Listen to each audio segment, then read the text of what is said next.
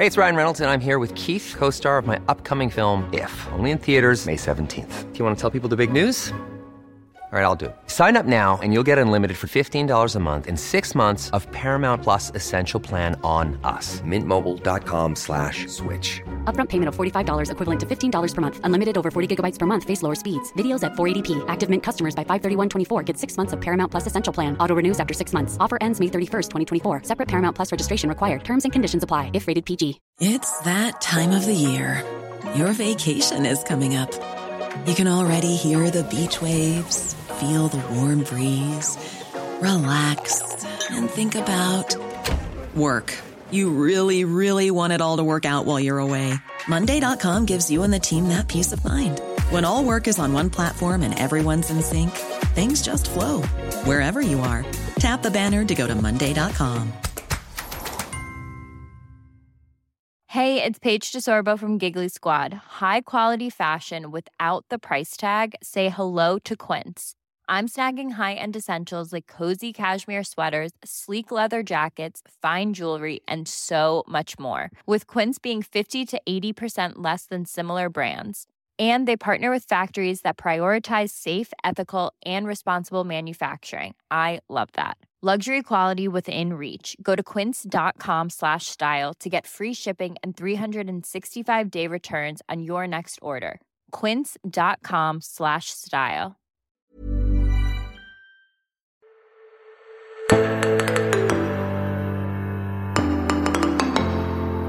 Det nærmer seg eh, jul, og da er jo eh, mange opptatt av hva de skal se på TV. Vi har i dag med oss en ekspert på området, Anne Solfri Brennhovd fra Damaris eh, Norge.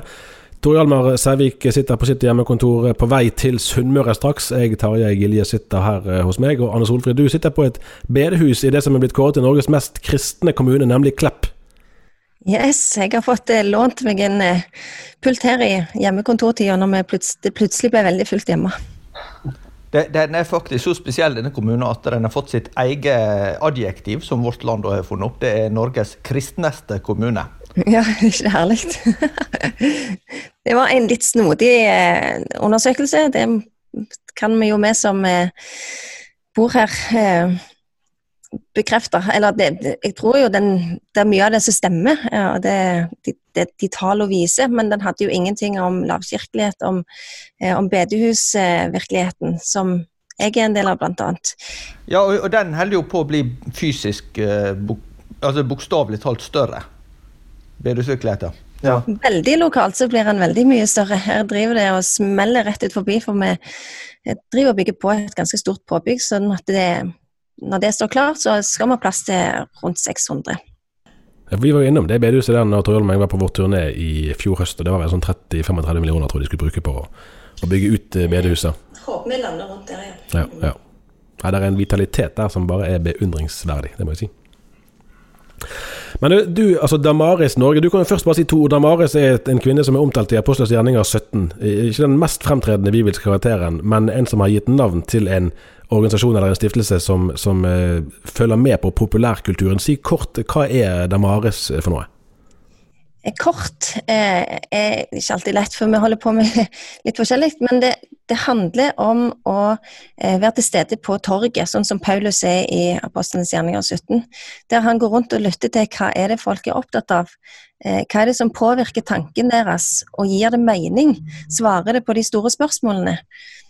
Så det er det vi forsøker å gjøre, å lytte til hva er det som er torg i dag. Hva er det folk lytter til? Jo, veldig mange bruker mye tid på populærkultur i alle varianter. Eh, hva er det som blir formidla der av svar på de store spørsmålene? Hva blir sagt om hva er meninga med livet, hvorfor vi er her? Eh, hvorfor er der, finnes det ondskap, og hva er løsningen på det? Eh, og Derfor så jobber vi både med, med to bein. Da. Eh, det ene handler om å forholde oss til populærkulturen og se på svarene. Og så må vi i tillegg løfte fram hvilke svar har kristen tro på de samme spørsmålene. Så vi jobber både med populærkultur og med apologetikk, eh, altså trosforsvar. Hvilke svar gir vi på disse spørsmålene som blir reist, og som også blir besvart i populærkulturen? Er det mulig å si noe om viktige spørsmål som går igjen i populærkulturen i vår tid, som, som er litt typiske? Eh, ja, altså eh, Jeg tror det er noen spørsmål som går igjen gjennom alle tider. Eh, for det er generelle spørsmål som mennesker alltid er opptatt av. Hva skjer når, vi, eh, når vi, livet her er over, og hva er meningen her og nå? Eh, og ikke minst i forhold til det ondes problem. Ikke minst fordi at det er gode spørsmål til å skape drama. Eh, om det så er en kort, eh, kompakt musikktekst, eller om det er en, eh, en musikkvideo, eh, eller om det er en, eh, eh, en film eller en, en lengre TV-serie, så kommer man alltid innom disse her store livsspørsmålene. Rett og slett fordi de fungerer veldig bra til å lage en historie rundt. Til å skape konflikt og til å skape løsning, som gjør at det er vi som som brukere blir revet med og blir emosjonelt kobla på den historien. Nettopp. Du var den første ansatte i Damaris i Norge, og har egentlig vært tilknyttet Damaris nesten i 20 år, med noen avbrudd. Eh, jeg tenkte vi kunne begynne med at nå har jo NRK nylig hatt tre Brennpunkt-programmer om eh, Det var jo om kan du si, mer randsonemiljøet, da, eh, innenfor og utenfor kristen tro. En del kristne oppfatter jeg er redd for bildet som blir tegnet av de i offentligheten.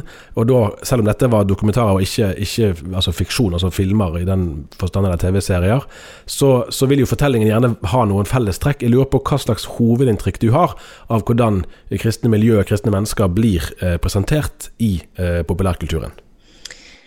Det har jeg eh, dukka ned i med flere anledninger. Eh, og det er jo eh, ulike varianter. Der er komedien, og der er den litt dystre dramaserien. Eh, så det er jo mange varianter der kristne blir eh, framstilt som en eller annen karakter i, en, en, ja, i et drama. Eh, veldig ofte så eh, er kjenner ikke vi oss veldig godt igjen i den karakteren som blir framstilt. Eh, det er ulike varianter. Det er den som er klønete og dum og litt enkel. Eh, det er den som er sint. Det er den som er veldig dømmende og streng og hard, og som tydeligvis ikke har det godt med seg sjøl og bruker sin posisjon for å skaffe seg sjøl et overtak. Eh, så en karakter vil jo alltid være på et eller annet vis spissa. Men er det rimelig å forvente egentlig at, at fiksjon skal være en helt ut liksom, saksvarende eh, presentasjon av et miljø? Altså folk som Hvis de lager dokumentar eller fiksjon fra Oslo, da, eller fra Tromsø eller fra finansmiljø og lignende, så er det jo ikke nødvendigvis Altså det er ikke dokumentar. Eller Atlantic Crossing er ikke en autentisk historiebeskrivelse. Hvordan, hvordan eh, skal man møte dette? Nei, det er nettopp det. At eh, jeg tror kanskje eh, vi ofte blir såra fordi at det er så nært til hvem vi identifiserer oss som, eh, og vår, vår eh, personlige identitet. Eh, men kanskje har vi litt lange tær og ikke ser hva dette her er meint å være for noe. Det er den ene sida med det, at det, alle må tåle å bli karikerte på et eller annet vis. Det er en del av historieformidlingen. Og det andre er at det er gjerne en grunn til hvorfor disse karikaturene blir som de blir. Hvorfor er det ikke så veldig ofte den omsorgsfulle, vennlige? Det har litt med dramaturgien å gjøre, at det hadde jo ikke passa veldig godt inn. Eh, men det har òg med at veldig mange av de som skaper historier, har sånne erfaringer. Og vi kan protestere og si det er ikke sånn kristne er, men det er den oppfattelsen de sitter med, og det er vi nødt til å, å forholde oss til på et eller annet vis. Er det annerledes hvis en ser på eh, skandinaviske eller europeiske forhold sammenlignet med amerikanske? For, for, I USA vil jo kristne i langt større grad være oppfattet som en maktfaktor kanskje enn, det vil gjøre i, i, Europa. Av det jeg har fått med meg av amerikansk populærkultur, så eh, har kristne der vært utsatt for akkurat den samme karikeringa som i Norge eller i Skandinavia. Men det har endra seg litt i det siste. Eh, det har kommet flere karakterer som har vært mer troverdige, eller som har Der ikke bare eh, den kristne troa har vært det eneste som har definert karakteren deres. De tar det med seg inn i sitt hverdagsliv, som eh, i deres yrke, eller som familiefedre, eller som fotballtrenere og se den kristne tro en del av deres karakter, og ikke kun det ene som definerer deres karakter, som det ofte er i Norge. Eh, er du kristen, så er du prest. Ferdig med det. Det ble jo fortalt om denne her Downton Abbey, eh, at der kunne ikke de vise eh, måltider, fordi at da ville det vært nødvendig å ha med bordbønn, og det ville fungere som fremmedgjørende for det moderne publikummet. Eh, så har vi jo sett på The Crown nettopp. Nå vi jo, må vi vente på en, en stund på, på, sesong fem der. Men der er jo et av de interessante trekkene at dronningen blir jo fremstilt med en veldig tydelig og en veldig sterk bevissthet om sin egen eh, kristne tro. Er det et tegn på noe utvikling, eh, slik du ser det? Det mener jeg absolutt at det er. At det, eh, en eh, erfarer at det treffer veldig godt hos publikum, fordi det er så mange som kjenner seg igjen i denne framstillingen av hvordan kristen tro er. Og det har eh, historieformidlere tatt mer inn over seg. Det savner jeg litt mer i Norge. Eh, at man rett og slett innser at det er veldig mange som lever dette livet, eh, og som har et veldig eh, har et godt liv som kristen. Eh, det ser jeg mer i de eh, internasjonale trendene. At det der er framstilling av kristen tro som er troverdig, og som er varm, og som er eh, ja, som sagt en del av karakteren, og ikke hele karakteren. Det setter jeg jo veldig pris på. Ja, ja for jeg, jeg, har skrevet litt om de siste årene. Det var en dansk serie som heter Herrens veie, som gikk litt på NRK, der du har en prest som er hovedperson, og som er, er sterk i troen, men der livet ellers uh, har ganske mange uh, slagsider, kan du si. Uh, så har du den norske presten-serien til han Bjarte Tjøstheim, som ikke er så veldig kontroversiell, men som er en ganske sånn stakkarslig skikkelse, og kanskje man vil si at det er litt symptomatisk for, for bildet av presten i vår tid. Der er en serie på HBO som heter Greenleaf, som virkelig er sånn gjennomkorrupt pastorfamilie som driver kirke som en butikk, og det står hvordan det står til med deres åndelige liv, kan man jo saktens lure på. Eh, og så er det jo altså, Hva er det som, som, gjør at det er disse historiene som blir fortalt uh, i populærkulturen om kristne mennesker? Det kan man jo spørre seg om. Og kanskje er det noe i, eller det er det vel sikkert, noe som du sa i sted, at uh, det er jo en grunn for at disse historiene kommer frem? Ja, Den ene grunnen er jo at mange har en oppfattelse av at det er sånn det er, fordi de har en personlig erfaring med det. Og så handler det jo selvfølgelig litt om at det er mindre kunnskap om kristne miljøer. Eh, og kanskje særlig inn i, eh, i, miljøer der man er en del av et sånne skapende eh, nettverk, der man lager filmer eller der man lager TV-serier. Kanskje er det særlig liten kunnskap inn i de miljøene der, pluss at de trenger det som en, en drivende effekt i sin historieformidling. Men det er vel ikke så fjernt å tenke seg heller at hvis du har et eh, sekulært eh, verdensbilde, så vil du tenke at er det noen som har en kristen motivasjon eller åndelig motivasjon for et eller annet, så må det ligge noe annet bak. Det, det, det kan, de kan ikke mene på alvor dette her, det må være noe annet. Ja, jakten etter makt, eller eh, ja, ja. personlig oppreisning, eller ja. Selvfølgelig. det må jo være en eller annen motivasjon når ikke det er kan være noe overnaturlig. Da må det jo være noe personlig, selvfølgelig. Og så har du hele, hele landskapet da med om man trenger egne sant, kristne bøker, kristen musikk, kristen film. Eh, du kan jo eh, se på det som et uttrykk for at det er noen ting sånn som vi snakker om nå, som noen historier som ikke blir fortalt i den moderne offentligheten. Og skal de nå frem, så må de lage sine egne ting. Eller man kan jo òg se på det som en slags sånn tilbaketrekningsstrategi. At man, man, eh, liker ikke det som blir eh, Eller tåler ikke å håndtere det som blir fortalt offentlig, og da liksom lukker man seg inne i sitt eget univers og lager sine egne kulturelle produkter. I hvilken grad opplever du det som en del av, av det feltet som du jobber med? Eh, jeg tror det er ulike motivasjoner, som du er inne på. Noe handler om at vi må beskytte oss sjøl, og vi må få fram vår side på en måte som gjør at vi har kontroll på, på historien eller på inntrykket folk sitter med. Og så har du òg den andre sida, som er et genuint ønske om å bruke kunsten, og særlig filmkunsten, som er så enormt sterk. Den virker så rett i følelsene våre. Den, eh, pleier å referere til Ingmar Bergman, som, eh, som sier at den hopper rett over eh, tanken og lander rett i følelsene. Eh, og greier du å bevege, bevege, følelsene, så greier du å bevege en, en folkemengde. Um, så det å bruke filmen til å fortelle om Jesus har stadig flere fått et sterkt ønske om å innta den arenaen for, rett og slett for evangelisering. Og det heier jeg virkelig på. Det, det trengs dyktige historieformidlere som bruker skjermen. Om det er TV-serier, eller om det er filmer, eller om det er snutter på nettet eh, som deles i sosiale medier, så er det helt supert. For det er et veldig, veldig godt verktøy. Men det krever òg faglig dyktighet. Det, det, er jo også et, et, spørsmål der om kristne blir Så lenge innholdet er godt, så, så får vi heller leve med at, eh, at forma ikke ble helt topp. Kan, kan det være en ja, Er det en kjent problemstilling? Det er et uh, tema som jeg uh, kjenner at jeg blir uh, litt engasjert av, og som allikevel er litt vanskelig å snakke om, fordi at det er så mange som har så sterke opplevelser foran en film som har kristen, en kristen historie. Som virkelig har blitt berørt, og som har blitt oppmuntra. når det er sagt, å lage film og TV-serier koster mye penger, og det krever dyktige folk. Eh, det er veldig mange aktører de siste årene som får til utrolig mye på et lavt budsjett. Og jeg er veldig begeistra for hvordan The Chosen, den serien som bare er nettbasert, har, eh, eh, har greid både å produsere et godt innhold, og de har greid å, å, få finansiert det gjennom å få folk med til å gi, rett og slett. Eh, Utfordringen med at det, kvaliteten er likevel eh, litt så som så, er at det blir forkynnelse for menigheten ofte.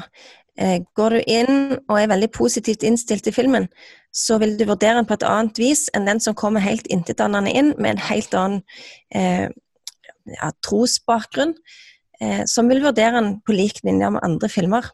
Ja, det blir litt som om å gå på konsert med familiemedlemmer, eller folk du kjenner. Nemlig. nemlig. Du er veldig Det var to filmer jeg har lyst til å nevne der. Det var en som het I Can Only Imagine, som kom i fjor, eh, og en som heter I Still Believe, som kom i år av eh, Andrew og John Irwin, altså Irwin Brothers, eh, går de inn, som har som merkenavn. Som var på De er amerikanske filmer, og, og fra Altså, det handler om musikere som er kjent i USA, ikke så godt kjent i Norge. Eh, men historiene jo, eh, jo, står seg jo, og gikk på, på, kino her. Eh, jeg tror det var Erlend Lo som anmeldte den første av de i Aftenposten i fjor, og sånn virkelig negativ. Og i år var det vel særlig VG sin anmeldelse som, som Dette var helt tydelig, dette falt ikke i god jord. Jeg er jo så enfoldig i hodet at jeg likte nå begge filmene ganske godt. Og syns det var fascinerende å se på norsk kinofilmer der, der hele universet er Altså, det er kristent ja, du mener jeg altså, i positiv forstand. At deres, de, de, tror på Gud og forventer uh, Guds tilstedeværelse i livet, og forstår sin tilværelse ut fra det. Det er ikke så ofte vi ser i Norge. Men du har en litt mer uh, kritisk uh, vurdering av de filmene, forstår jeg? Akkurat de to tror jeg er kanskje noe Eller viser noe av framgangen innenfor kristen produksjon. Altså, på engelsk så kaller man det jo faith-based. Det er litt vanskelig å oversette til norsk. Det blir litt annet innhold om du sier trosbaserte filmer. Mm. Um, det, det, har virkelig heva seg de siste årene. Det er derfor jeg gjerne vil heie på flere av den typen, for de er så veldig i rett retning. Eh, både på kvalitet, men den andre sida handler jo om det teologiske innholdet. og der eh, det er nok det som gjør at jeg er mest engasjert. fordi at når vi er så positivt innstilt, så glemmer vi å være like eh, påskrudde som vi gjerne er, eller som vi forhåpentligvis er i møte med annen populærkultur og bare fordi den gode opplevelsen er så sterk, så, så sjekker vi ikke opp mot Bibelen om dette stemmer. Og der òg tror jeg nok eh, særlig eh, I Still Believe er mer troverdig òg for en hvilken som helst ser, fordi den gjenspeiler eh, livet i større grad. Eh, for det har nok vært en tendens i disse produksjonene at alt har gått fint. Til slutt du bare ber, og så ordner Gud det meste. Det får ingen konsekvenser for resten av livet at folk eh, tar eh, dumme valg. Eh, du, det er middelklasse, polerte, eh, velbalanserte mennesker som lander på beina, og alt er så varmt filter på. det ser veldig glossy ut. Jeg tenkte litt på, på, på det nå i år så har jeg, jeg og lest en del eh, av eh, C.S. Lewis i forbindelse med at vi har hatt litt ekstra tid da, når, når livet har vært nedstengt litt her og der. Og jeg fullførte nettopp nå eh, den sjuende av Narnia-bøkene etter å ha lest alle i sammenheng da, med, med døtrene mine. Og så, og så um, slår det meg at det, noe av det som er, er, veldig interessant her, det er at det er rom for det komplekse. Det motsetningsfylte. Og, dette, og, og, jeg merker også på folk som ikke deler Louis i sin kristne tro, at de syns dette her er godt fortalt. Eh, og at det, dette her er liksom Det er fortellinger som har en verdi utover forfatteren sin agenda. da. Eh, og, og, og, det jeg lurer på, er det liksom Er det sånn at kristne formidlere kan stå i fare for å ta for få sjanser, på en måte? At, en kan gjøre ting overtydelig? Altså, liksom, det må være så, det må være så klart hva som er det gode alternativet, for alt må ordne seg. Hvis du, hvis du bare liksom følger den, den, den, den, eh, veien som du blir anbefalt å følge. da. Jeg tror du peker på noe veldig sentralt der. Og vi ønsker jo at det skal være sånn. At det oppleves godt å komme til Gud med det som er trøblete og, og svingete og krokete i livet. Eh, og vi ønsker jo virkelig at det, disse her sterke virkemidlene skal gjøre at flere får se både hvem Gud er for første gang eller på nytt, eller får se nye perspektiver av hvem Gud er og hva det betyr for ditt liv.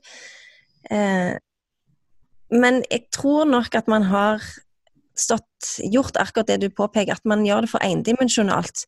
Det blir for enkelt, og dermed så blir filmene avfeid som lite troverdige. Eh, for alle kjenner kristne som eh, har like store utfordringer i livet som resten. Det er bare at vi har et annet perspektiv på både lidelsen og på livet etterpå, og på eh, hvordan ja, hvordan vi håndterer det som møter oss. Og noen ganger så klarer vi ikke det engang. Eh, så det blir sånne kontraster. Selv om vi, nå, det er litt ironisk.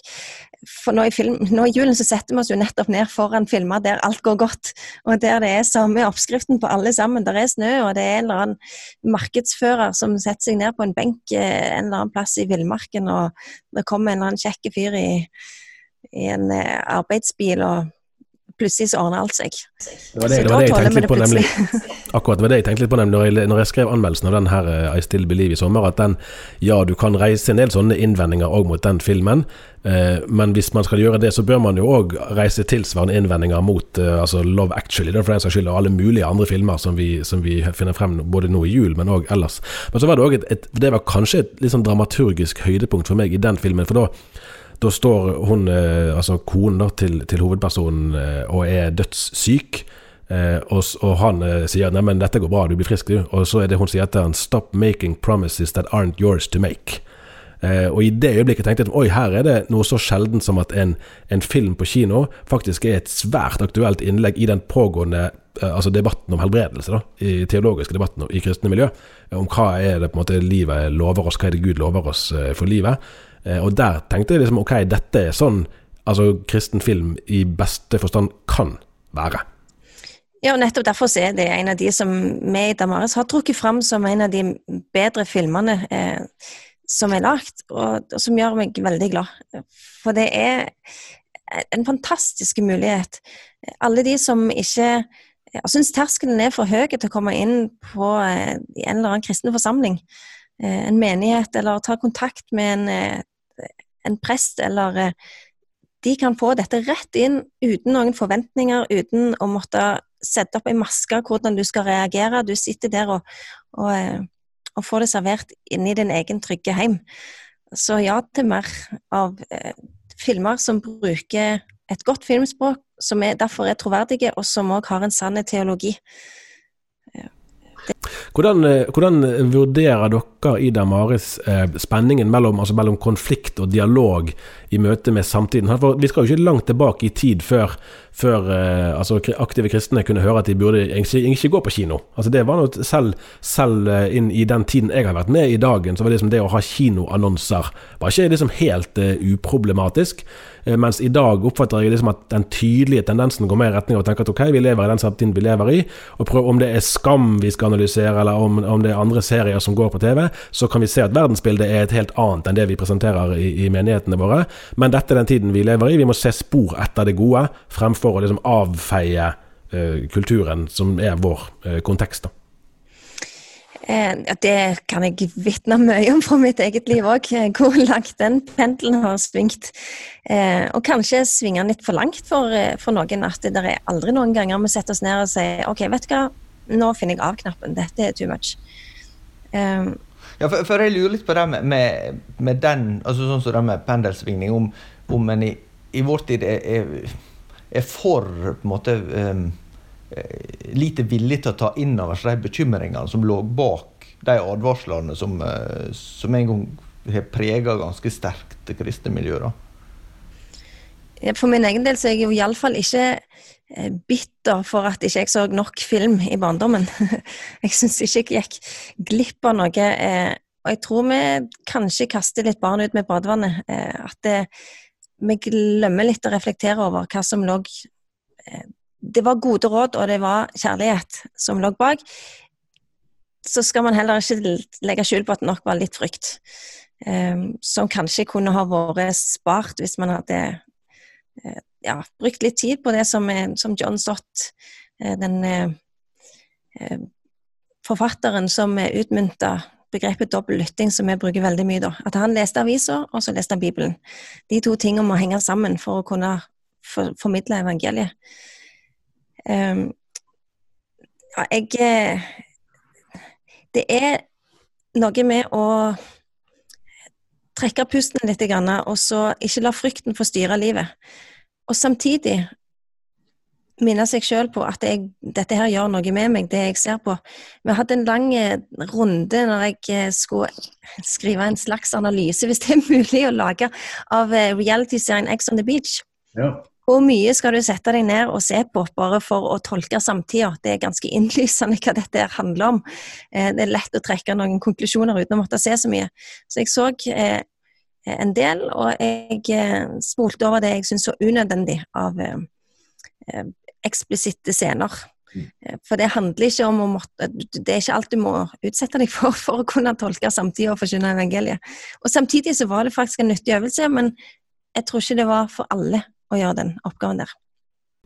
Nei, for det der kan du jo si helt allment òg. Altså at enhver som skal bli kjent med et eller annet, må jo sette seg inn i det til et eller annet nivå.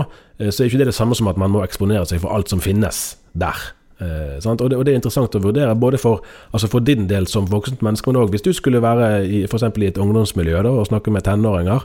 Sant? Skal, de, altså skal de skal bør en 18-åring liksom tenke at nei, den serien bør jeg som kristen ikke se. Og da eventuelt tåle å komme på skolen neste dag og si nei, jeg, ser ikke på det der. Eh, med det som av sosiale konsekvenser det kan, kan medføre. da. Jeg tror jo faktisk ikke det er en kjempeutfordring, for det er bare å si at du ser på en annen serie. For det er, det er så enormt eh, ja, stort spekter i dag.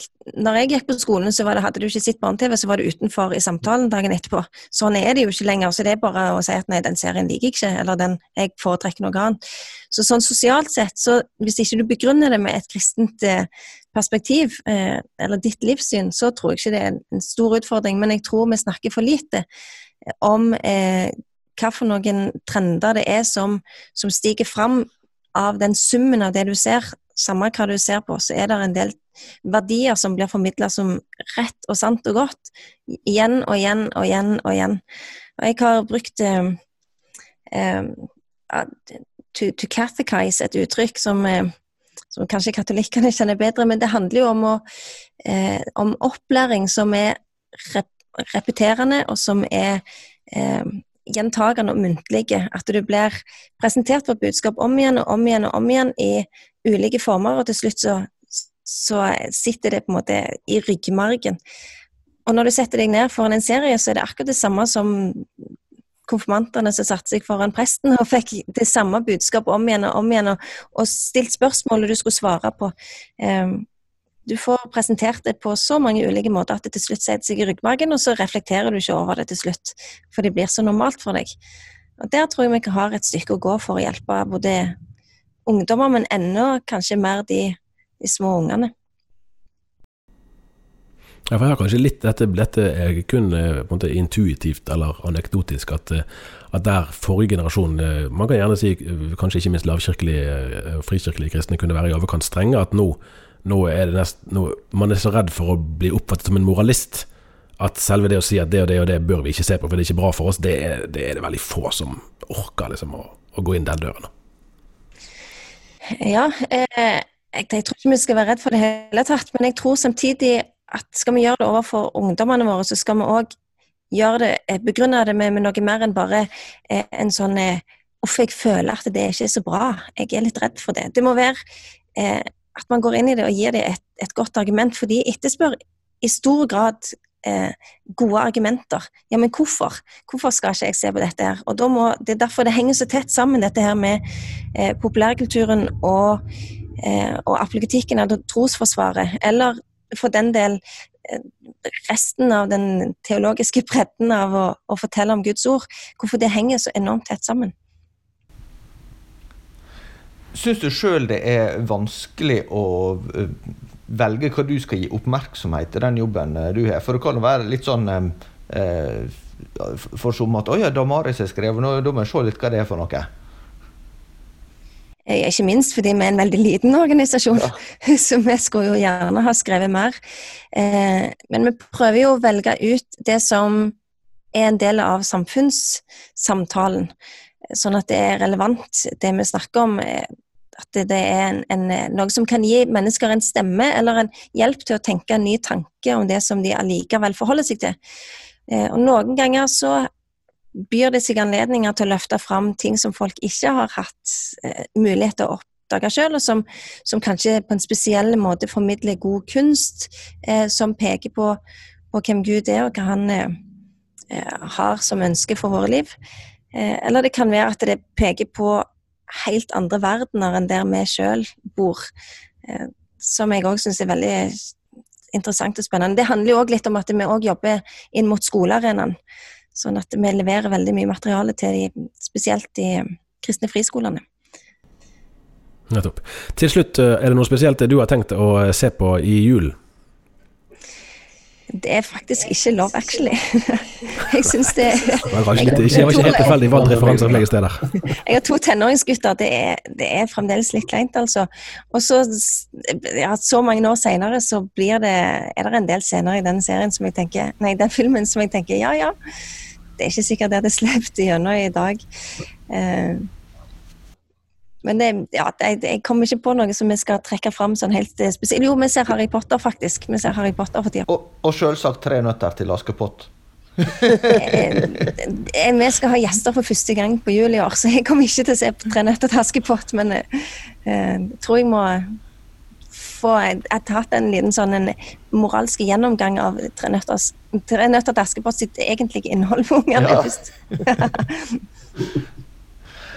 Riktig.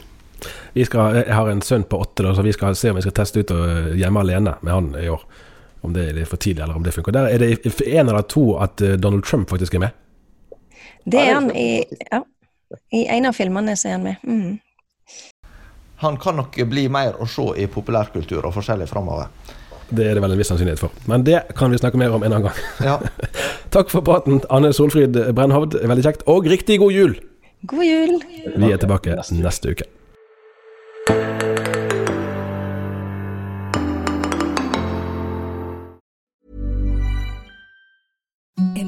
The softest sheets you've ever felt. Now imagine them getting even softer over time. That's what you'll feel with Bowl and Branch's organic cotton sheets. In a recent customer survey, 96% replied that Bowl and Branch sheets get softer with every wash. Start getting your best night's sleep in these sheets that get softer and softer for years to come. Try their sheets with a 30-night guarantee. Plus, get 15% off your first order at bowlandbranch.com. Code BUTTERY. Exclusions apply. See site for details. Hey, it's Paige DeSorbo from Giggly Squad. High quality fashion without the price tag. Say hello to Quince. I'm snagging high-end essentials like cozy cashmere sweaters, sleek leather jackets, fine jewelry, and so much more. With Quince being 50 to 80% less than similar brands. And they partner with factories that prioritize safe, ethical, and responsible manufacturing. I love that. Luxury quality within reach. Go to quince.com slash style to get free shipping and 365 day returns on your next order. Quince.com slash style. Planning for your next trip? Elevate your travel style with Quince. Quince has all the jet setting essentials you'll want for your next getaway, like European linen, premium luggage options, buttery soft Italian leather bags, and so much more. And is all priced at 50 to 80% less than similar brands. Plus, Quince only works with factories that use safe and ethical manufacturing practices. Pack your bags with high-quality essentials you'll be wearing for vacations to come with Quince. Go to quince.com/pack for free shipping and 365-day returns.